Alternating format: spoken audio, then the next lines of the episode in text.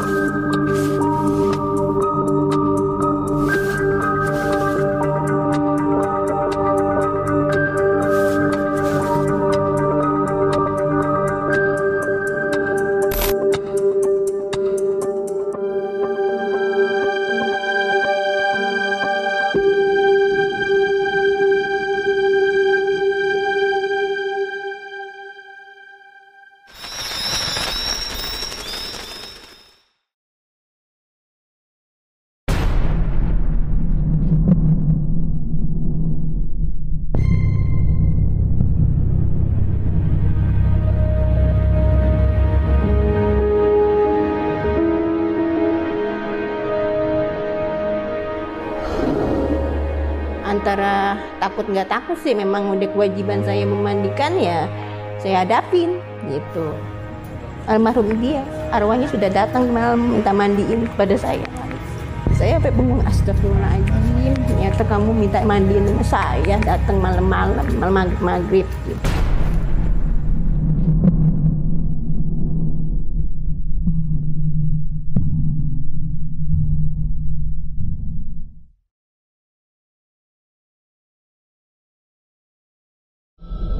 Om Mamat, obrolan malam Jumat. Kembali lagi bersama gue Fajar Aditya. Kali ini di Om Mamat season 3. Kamu yang takut atau mereka yang lari?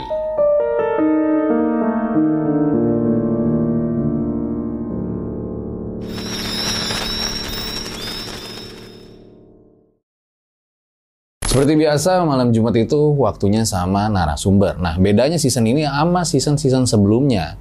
Tentunya narasumber dan juga tema yang diangkat udah pasti bukan kaleng-kaleng. Ditambah lagi sekarang, kita ada pelukis hantu digital, di mana nanti Bang Den itu bakal melukis di tabnya tuh sosok hantu yang lagi dibicarain selama podcast lagi berlangsung. Nah, Bang Den ini sendiri udah menimba ilmu kurang lebih 4 tahun ya. Dia kuliah di kafe hingga akhirnya bisa melukis hantu secara baik. Nah, malam ini di samping gue udah ada Bu Hikmah, seseorang yang bekerja udah lebih dari 10 tahun di Palang Hitam. Selamat malam Bu Hikmah. Semalam. Bekerja lebih dari 10 tahun di Palang Hitam. Boleh dijelasin nggak Bu? Palang Hitam itu sebenarnya apa sih? Eh, sebutan dari polisi itu palang hitam. Kita ini mengurusi eh, jenazah telantar untuk eh, DKI DKI Jakarta yang tidak ada keluarganya yang mengurusi kita kita ini. Jadi kalau yang udah saya baca ya, Iya. Parang hitam itu kayak ngurus jenazah-jenazah yang dalam keadaan tidak biasa ya. Iya, betul. Kayak misalnya korban pembunuhan, terus kecelakaan, Iya. bunuh diri Iya. dan lain-lain gitu ya. Iya. Berarti nggak jarang juga ya Bu nemu jenazah yang nggak utuh ya bagian tubuhnya ya. Ada, Sering itu Ibu dapat. sering juga sih ada. Pas ngurus itu gimana Bu? Ya, biasa aja sudah. Biasa aja ya? Iya. Wah luar biasa. Karena kadang jujur ya, gue sebagai orang biasa ngelihat ada jenazah aja tuh udah gimana gitu ya. Maksudnya nggak tega atau gimana gitu ya. Apalagi kalau ngelihat jenazah dalam kondisi yang udah keluar-keluar ya bagian tubuhnya. Kalau kita bukan yang kita yang ngurusin siapa lagi? Kalau kita takut siapa lagi yang menguruskannya? Luar biasa nih Bu Hikmah nih. Harus kita apresiasi nih guys, eh, profesi-profesi seperti ini. Makasih banyak. Nah, Bu Hikmah ini sendiri kan katanya lebih banyak untuk memandikan jenazah ya Bu? Betul. Memandikan jenazah di panti-panti dan RSUD yang tidak ada keluarganya. Pernah nggak sih Bu ngalamin kejadian horor selama memandikan jenazah-jenazah tersebut? Ada. Saya dengar-dengar katanya pernah ada mayat yang bangun lagi ya? Iya, betul, ada. Saya sendiri yang melakukannya, yang menghadapinya. Apa yang dirasakan pada saat itu? Ya, antara terkejut lah, eh, antara tidak percaya dan percaya gitu. Kok bisa bangun gitu. Ada apa ini gitu. Bengong, kita minta sama Allah eh, perlindungan gitu untuk mengurusi jenazah untuk bisa kepegang dengan keadaan begini gitu. Oke, baik. Ditahan dulu cerita lengkapnya, Bu. Sebelum gue lanjutin, kayak biasa, kalau kalian suka dengan konten-konten seperti ini, dukung terus karya-karya kita dengan cara subscribe, like, comment, share videonya yang banyak. Terus kalau kalian suka sama flanel yang gue pakai, ya udah pasti hoodieku. Karena emang tampilannya keren banget, udah gitu warnanya juga oke. Jadi kalau pengen beli langsung aja bisa lewat Tokopedia, Lazada, atau langsung aja lewat hoodieku-nya. Linknya gue taruh di deskripsi.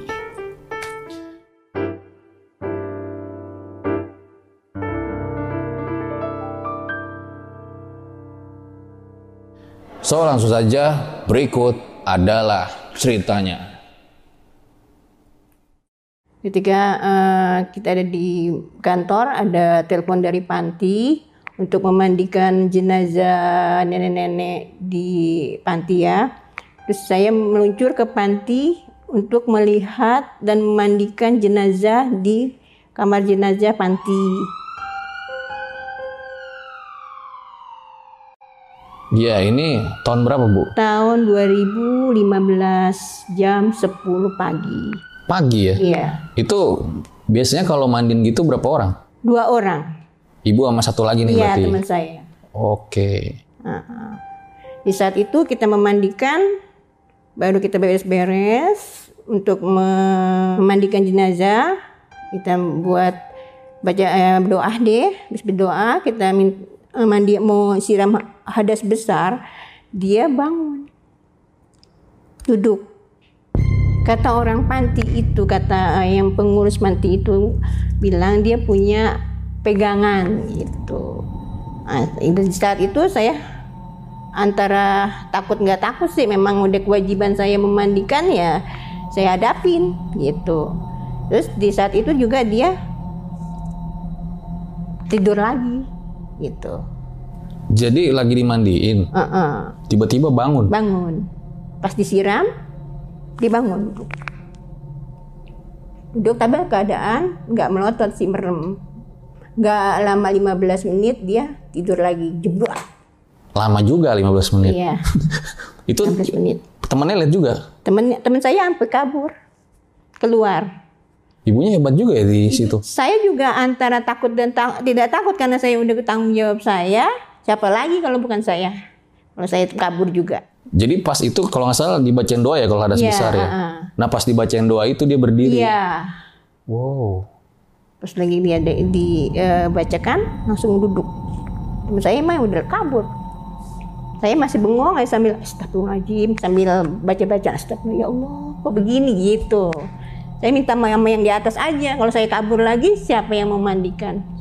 Siapa lagi yang mau mandikan? Ya udah saya liatin aja. Pas nggak lama 15 menit dia langsung wah banting diri. Kebanting kayak orang kebanting. Itu nenek-neneknya kayak nenek-nenek biasa merawakannya apa gimana, Bu? Kenapa? Perawakan dari yang ibu mandikan pada saat itu. Eh, ya ada ada ada yang cacat sedikit, ada penyakit gula, ada berlubang-lubang. Ya ada ada ada itunya dah. Kalau kita ngomong nggak baik ya, maniin almarhum. Nah, Bu, itu kan katanya nenek-nenek itu dari tidur bangun ya. Hah, Selama 15 menit itu diem doang. begini. Saya bengong aja, saya juga bengong. Hmm, Dia bengong, saya bengong. Astagfirullahaladzim, saya, saya ingat astagfirullahaladzim. Kok begini gitu loh. Ya Allah. Sampai saya baca-baca gitu ya. Tapi nggak lama kelamaan dia langsung buk banting. Apa yang saya bisa saya baca, tapi langsung buk. Dibanting diri dia. Udah nggak ada lagi, udah dia langsung disiram udah nggak bergerak. Tapi Bu Hikmah kayaknya bukan orang biasa ya. Harusnya kayak temennya aja langsung kabur ya. Iya, kalau saya mah enggak, udah dia udah teriak-teriak baru saya ngeh. Saya kan lagi nyebokin juga. Tapi nggak dilanjutinnya bukan pada saat saya itu. bengong saat saat pada saat itu saya agak agak kesimak sama keadaan ini ibu kok bisa bangun gitu. Temennya lari ke mana tuh? Lari keluar ke lapangan sampai supir ada apa kok bangun bangun no ada bangun ketika itu. Penangis pengen nangis dia itu teman saya. Hikmah bangun tuh bangun. Udah enggak sini gitu.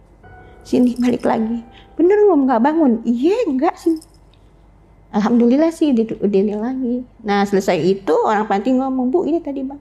Iya memang sudah tiga hari ini dia nggak bisa nggak lama. Saya udah pakein ini pakein itu masih aja begitu gitu. Ternyata kali ada masih ada di dalam tubuhnya itu masih ada pegangnya pegangannya baru lepas pas ada bacaan itu kali. Tapi tiga hari itu dia nggak meninggal meninggal cuma ngorok aja gitu gitu. Pas dia kasihin disaratin sama orang pinter katanya mintain air baru nggak ada nyawanya Baru meninggal. baru meninggal. Nah kalau boleh tahu itu pantinya Bu memang untuk orang-orang yang nggak ada keluarganya gitu. Iya, ya, tidak ada keluarganya sudah dia tua, dewe udah udah ini dah udah usia tua. Berarti memang ibu juga mengurus untuk eh, jenazah-jenazah yang ada keluarganya ya. Iya betul.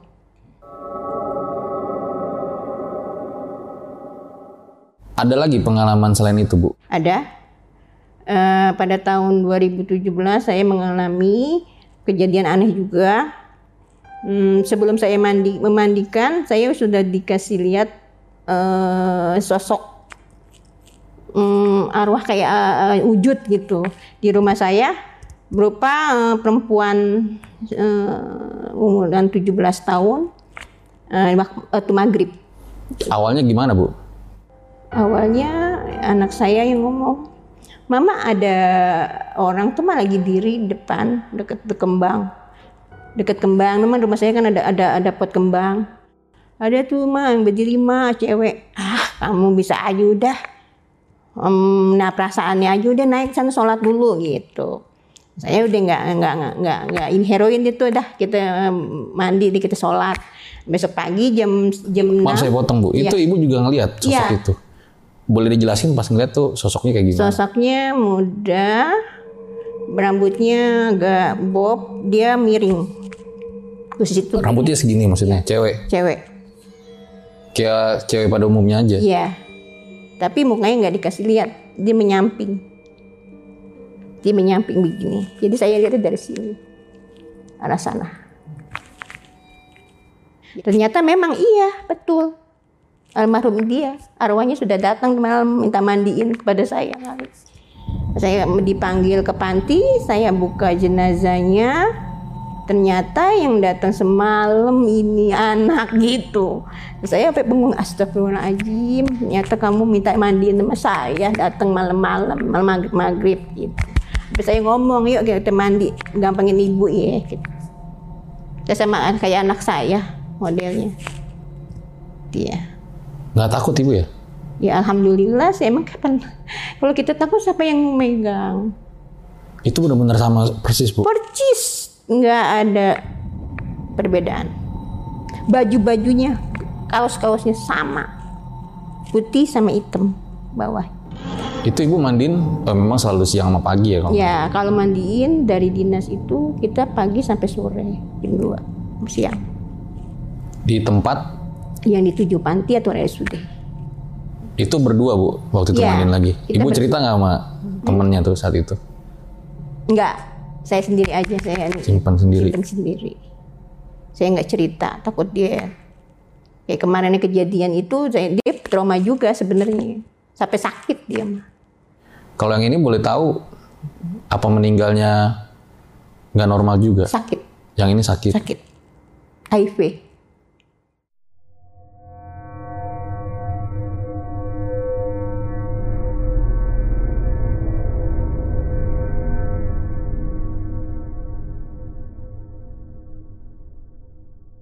Hai, sebelum lanjut, kenalan dulu yuk sama partner misteri gua. Namanya Anchor.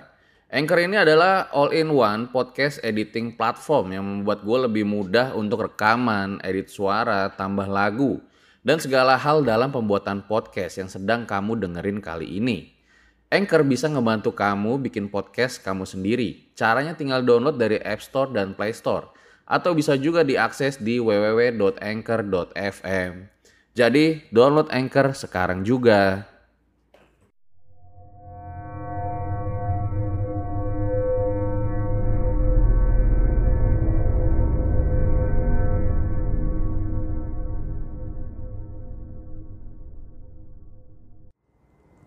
HIV sakitnya. Namanya nemu di jalan kan nggak tahu. Di kedoya eh dia di panti kedoya. Panti kerukan dari jalan Kalau HIV boleh dimandiin emang bu? boleh. Oh gitu. iya boleh. Kalau nggak dimandiin saya ditaranin lagi. Ada lagi kejadian itu ya HIV juga. Dalam keadaan tidak dimandikan langsung dikubur saya didatengin malamnya sama almarhum yang tadi yang nggak dimandikan. Dia habis melahirkan habis melahirkan meninggal anaknya hidup terus dia meninggal saya nggak mandiin. Selama itu eh, ada udah seling seminggu anaknya meninggal. Anak yang meninggal juga bilang kata yang kemarin ibu anak yang kemarin meninggal yang nggak dimandiin. Kata pihak rumah sakit jangan ini ada darahnya takut kena. Jadi saya nggak memandikan Oh karena kan udah di ACC sama rumah sakit iya ya. gitu. Ini boleh, ini nggak boleh. Eh, tapi sekarang saya nggak mau biar AIP kek. Apa kek saya mandiin? Saya pernain takutnya takutnya biar katanya ada ada koreng ada luka saya mandiin saya bersihin. Dan dia mau, mau menghadap Allah mestinya bersih. Saya takut saya nggak mau lagi kejadian yang itu. Nggak sekarang saya bersihkan aja. Mau HIV kek kecuali covid saya nggak mau. Takut kena saya sendiri gitu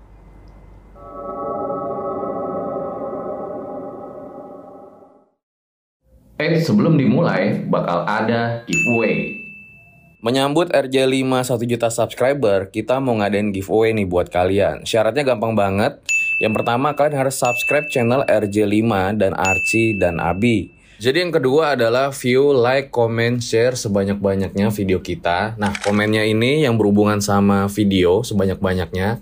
Tapi jangan kopas dan nyepam karena nggak bakal kita anggap. Terus yang ketiga, follow Instagram gua The Real Aditya atau RJ5 Official dan juga Hudiko. Untuk informasi selanjutnya, kalian bisa lihat di Instagram gua The Real Aditya atau RJ5 Official. Selamat mengikuti giveaway.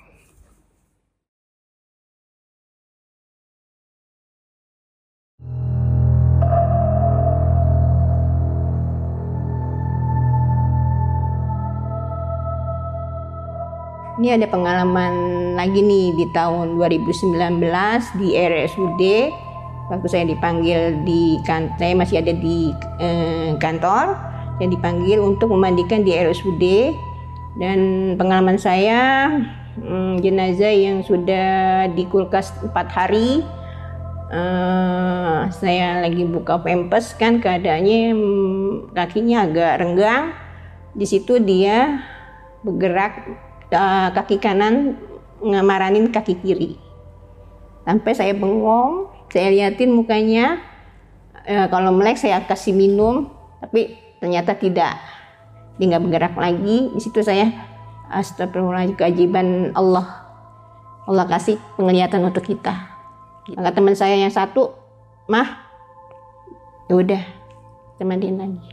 Dia takut juga sementara takut bangun lagi. Bangun nggak tuh? Ini partner yang sama. Hah? Partner yang sama. iya partner, partner yang sama Ngeliat juga dia. iya Jadi maksudnya bergerak begini buka. bergerak jadi eh, kan kalau pempes saya buka begini kan kaki kanan maran kaki kiri begini. Ah, jadi kakinya nutup ya. iya nutup dia nutup sendiri dengan sendirinya Padahal harusnya udah empat hari di kulkas. ya ini keadaan kaku lagi harusnya kaku ya? udah ada ais di semua nggak masuk akal. Tuh nggak diairin nggak diapain. Kita lagi buka dan kita keadaan lagi buka pempes kita mau ngasih taruh ke bak sampah dia bergerak sendiri. Teman saya nyolek. Gitu. Liatin mukanya kalau memang bangun kasih minum. Kenapa kok dikasih minum? kan habis tidur lama kasihan aus kalau nggak begitu kita takut terus kan? Siapa lagi Oh sambil bercanda ya. iya kalau nggak dibecandain takut. Dengan bercanda. Gitu. Yang penting kita jangan ngomong kotor di depan dia gitu aja. Kayaknya ibu udah beberapa kali kalau saya lihat ya ngalamin hal kayak gini tenang banget ya. iya. Pasti harusnya masih banyak nih pengalaman-pengalaman nih, bener nggak? Boleh bu, satu lagi deh yang paling nggak bisa dilupain. yang paling bisa lupain ya itu yang tadi yang di panti yang bangun Selain ya selain yang udah diceritain. Oh, yang di rumah sakit TKP kita lagi berangkat TKP, eh, bantu ayah Pendi yang tadi. Eh, saya disuruh ngambil keranda terai keranda jenazah di atas. Gitu saya ke sana Da- ya? malam jam satu malam. Sebentar, mungkin yang nonton bingung nih bu. Iya. Jadi maksudnya ibu kali ini bukan mandiin jenazah, Bukan, kita ngangkut. ikut ngangkut. Ikut ngangkut, ngangkut TKP. Kalau boleh tahu saat itu karena apa di TKP? gantung diri. Gantung diri, kita dari TKP ke RSE, RS yang dituju eh, kepolisian. Di sana kita ngambil keranda di dalam ruangan jenazah di sana. Kita didengarkan suara bantingan tray keranda itu. Saya antara takut nggak takut namanya sendiri malam saya tarik, saya taruh kelip, saya kabur dari tangga. Karena saya juga sendiri saya takut. Nggak mau lagi kalau saya eh, jam 2 jam 3 saya nggak mau naik ke atas, mendingan saya cari tray yang di bawah. Biar dia naik sendiri. Tray itu apa ya bu? Eh, keranda yang tidak ada tutupnya. Oh keranda yang ada tuh buat ngangkut. Buat ngangkut mayit dari bawah ke atas. Hmm, ibu yang ngambil ya. Iya. Itu yang jatuh apa ya? Tidak ada yang jatuh. Tapi suaranya kencang banget. Suara kenceng. Memang kata penjaga situ memang ada suka ada malam-malam suka ada yang begitu katanya. Iya iya, memang terkenal di rumah sakit Iya, itu ya. iya, betul. Ya rumah sakitnya nggak usah disebutin Iya lah. betul. Itu aja. Pengalaman yang benar-benar terkesan itu sama yang di panti itu. Tapi bu, saya masih nggak yakin sih harusnya ibu nih banyak ya. Pernah nggak lihat gak sih kayak sosoknya gitu, ada sosok gitu pas Ada lagi mandi di gitu. eh, Mana boleh diceritain bu? di dinas kita di dinas itu kan ada bekas pemakaman Kris eh, kayak Belanda gitu kita di sana kita lagi sholat saya lagi sholat dia ada berwujud perempuan pakaian pengantin di sana bukan saya doang yang lihat ada ada sebagian orang yang melihat dia. Gitu. Sholat apa nih bu? sholat asar. Sore. Jadi lagi sholat terus? Hmm, hmm, pas kita assalamualaikum dia nongol tuh diri di depan pintu. Posisi saya begini ini pintu. Ini saya di sini. Pas saya nengok, dia lagi di sini, berdiri. Mukanya cakep, cantik, rupa orang aja. Tapi pas saya lagi pas mau nengok lagi kan assalamualaikum, waalaikumsalam kan. Pas saya mau nengok lagi udah nggak ada. Saya Uber, saya tanya sama orang situ yang asli situ, dibilang memang ada di situ, i, i kata dia gitu. Oh. Dan udah Oh, banyak yang lihat ya? Iya. Itu aja kok pengalamannya. Jadi orangnya itu kayak orang barat ya? Iya. Dari orang barat. Pakaiannya? Pengantin gaun putih. Makanya disebut setan pengantin ya, Iya. terkenalnya ya. Mm-mm. Dia ada posisinya di belakang, Iya. belakang gedung. Oke deh, nanti bakal banyak pertanyaan nih di closing.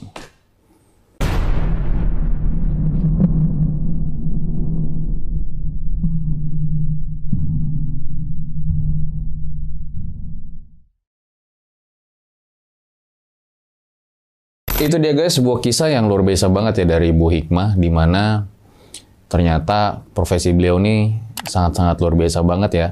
Apalagi ini kan kondisi jenazahnya itu dalam keadaan tidak normal ya. Kayak tadi kalian udah bisa dengar, ada yang bekas korban pembunuhan lah, ada yang bunuh diri lah, ada yang ya macam-macam lah. Nah, si Bang Denny ini, pelukis hantu kita, ternyata udah selesai nih gambar sosok hantu yang tadi lagi dibicarain di podcast. Gimana? Coba lihat gambarnya. Mantap. Ini Bu, apa benar gambarnya seperti ini? Iya betul, betul. Kayak gitu. Ini dia pakai kain Cari, jarik. ya, kain panjang cari, batik. Kok serem banget ya pakai kain jarik gitu ya? Iya, memang dari pantinya begitu. Dan dia bangun sendiri seperti ini. Iya. Tidak dibangunkan, bangun sendiri seperti ini. Betul itu kayak gitu. Ya, Dan di ruangan itu tentunya hanya ibu bertiga aja ya iya, sama betul, mayatnya ya. Wah, gila serem banget sih kalau ngalamin kayak gini ya. Apalagi ini kan nggak dikenal gitu ya, Iya, betul. bukan bukan Bukan ada hubungan keluarga kerabat ya. Jadi sebelum kita akhiri bolehlah ya eh, ngobrol-ngobrol dulu bu. Ibu kan udah cukup lama nih bekerja di Palang Hitam ya. Nah pernah juga katanya ikut ngangkut mayat. Iya, betul. Pernah ketemu nggak sih bu sama yang kondisinya tuh ya udah mohon maaf ya yang parah banget gitu. Pernah. Pernah yang tabak kereta, terus terjun dari gedung, udah hancur, palanya juga hancur, otaknya. Ya, udah nggak bisa diceritain deh. Udah cakep banget. ya habis gimana? Udah kerjaan, udah angkut tadi pungutin. Gimana lagi? Tapi itu ibu ambilin satu-satu Iya, gitu. saya ambil satu-satu. Saya kumpulin. Apalagi ya kalau ketabrak kereta, kita nutur. Dari yang dia di, kena ketabrak sampai berapa meter kita nutur. Dagingnya dia, otaknya dia, eh, ucusnya kita ambilin satu-satu. Nanti akhirnya disusun lagi kasih Nanti ke rumah sakit lagi di pihak rumah sakit. untuk dipercantik lah ya. Iya, diperbagusin lagi. Nah kalau untuk memandikan sendiri pernah bu, yang bagian jenazahnya itu udah nggak utuh. Ada kakinya nggak ada. Kakinya dia punya penyakit gula.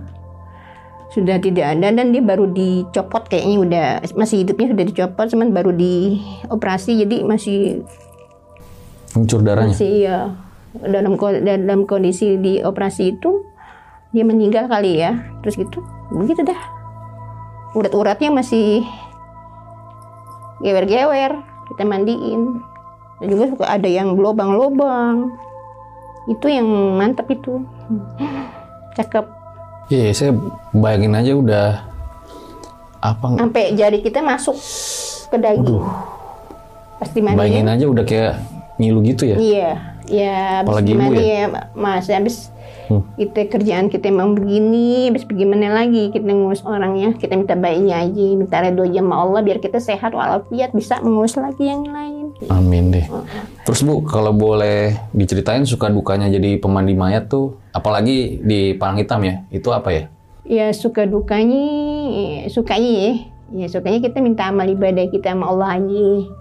Ya, dukanya ya kadang-kadang dikomplain kok begini, kok begini gitu dari polisi. Kamu nggak sigap gitu. Padahal kita udah udah udah tenaga kita udah ini gitu. Kalau memang ini kamu kok berdua doang gitu. Komplainnya gitu kan suka kesel gitu kok berdua juga bisa gitu. Kadang-kadang suka kesel dukanya begitu doang. Dan juga suka disembarangin gitu ngambil apa itu jasanya disembarangin aja nggak terima kasih nggak apa udah jalan-jalan aja udah gitu. Ada terima kasihnya kadang-kadang. Kalau kita udah bantu kok kita nggak diterima kasihin nggak usah kasih apa-apa saya terima kasih aja gitu. Berarti sampai dengan hari Lukanya ini itu. Berarti sampai dengan hari ini udah berapa total yang dimandin bu jenazah Aduh, saya nggak bisa total kayaknya ribuan dan ratusan kayaknya ribuan nyampe ya, ya bisa dari tahun 2000 yang saya masuk sampai sekarang ya ribuan. Wah luar biasa banget nih. Oke deh, gue rasa cukup demikian episode Om Mamat pada kali ini. Makasih banget Bu Hikmah Iya, sama-sama. telah berbagi waktunya dan menyempatkan bercerita di RJ5. Ambil baiknya, buang buruknya. Dengan adanya cerita-cerita seperti ini, jangan malah menjadikan kalian takut. Akan tetapi kalian harus semakin yakin dan percaya dengan kebesarannya. Gue Fajar Aditya, RJ5 undur diri. Ciao.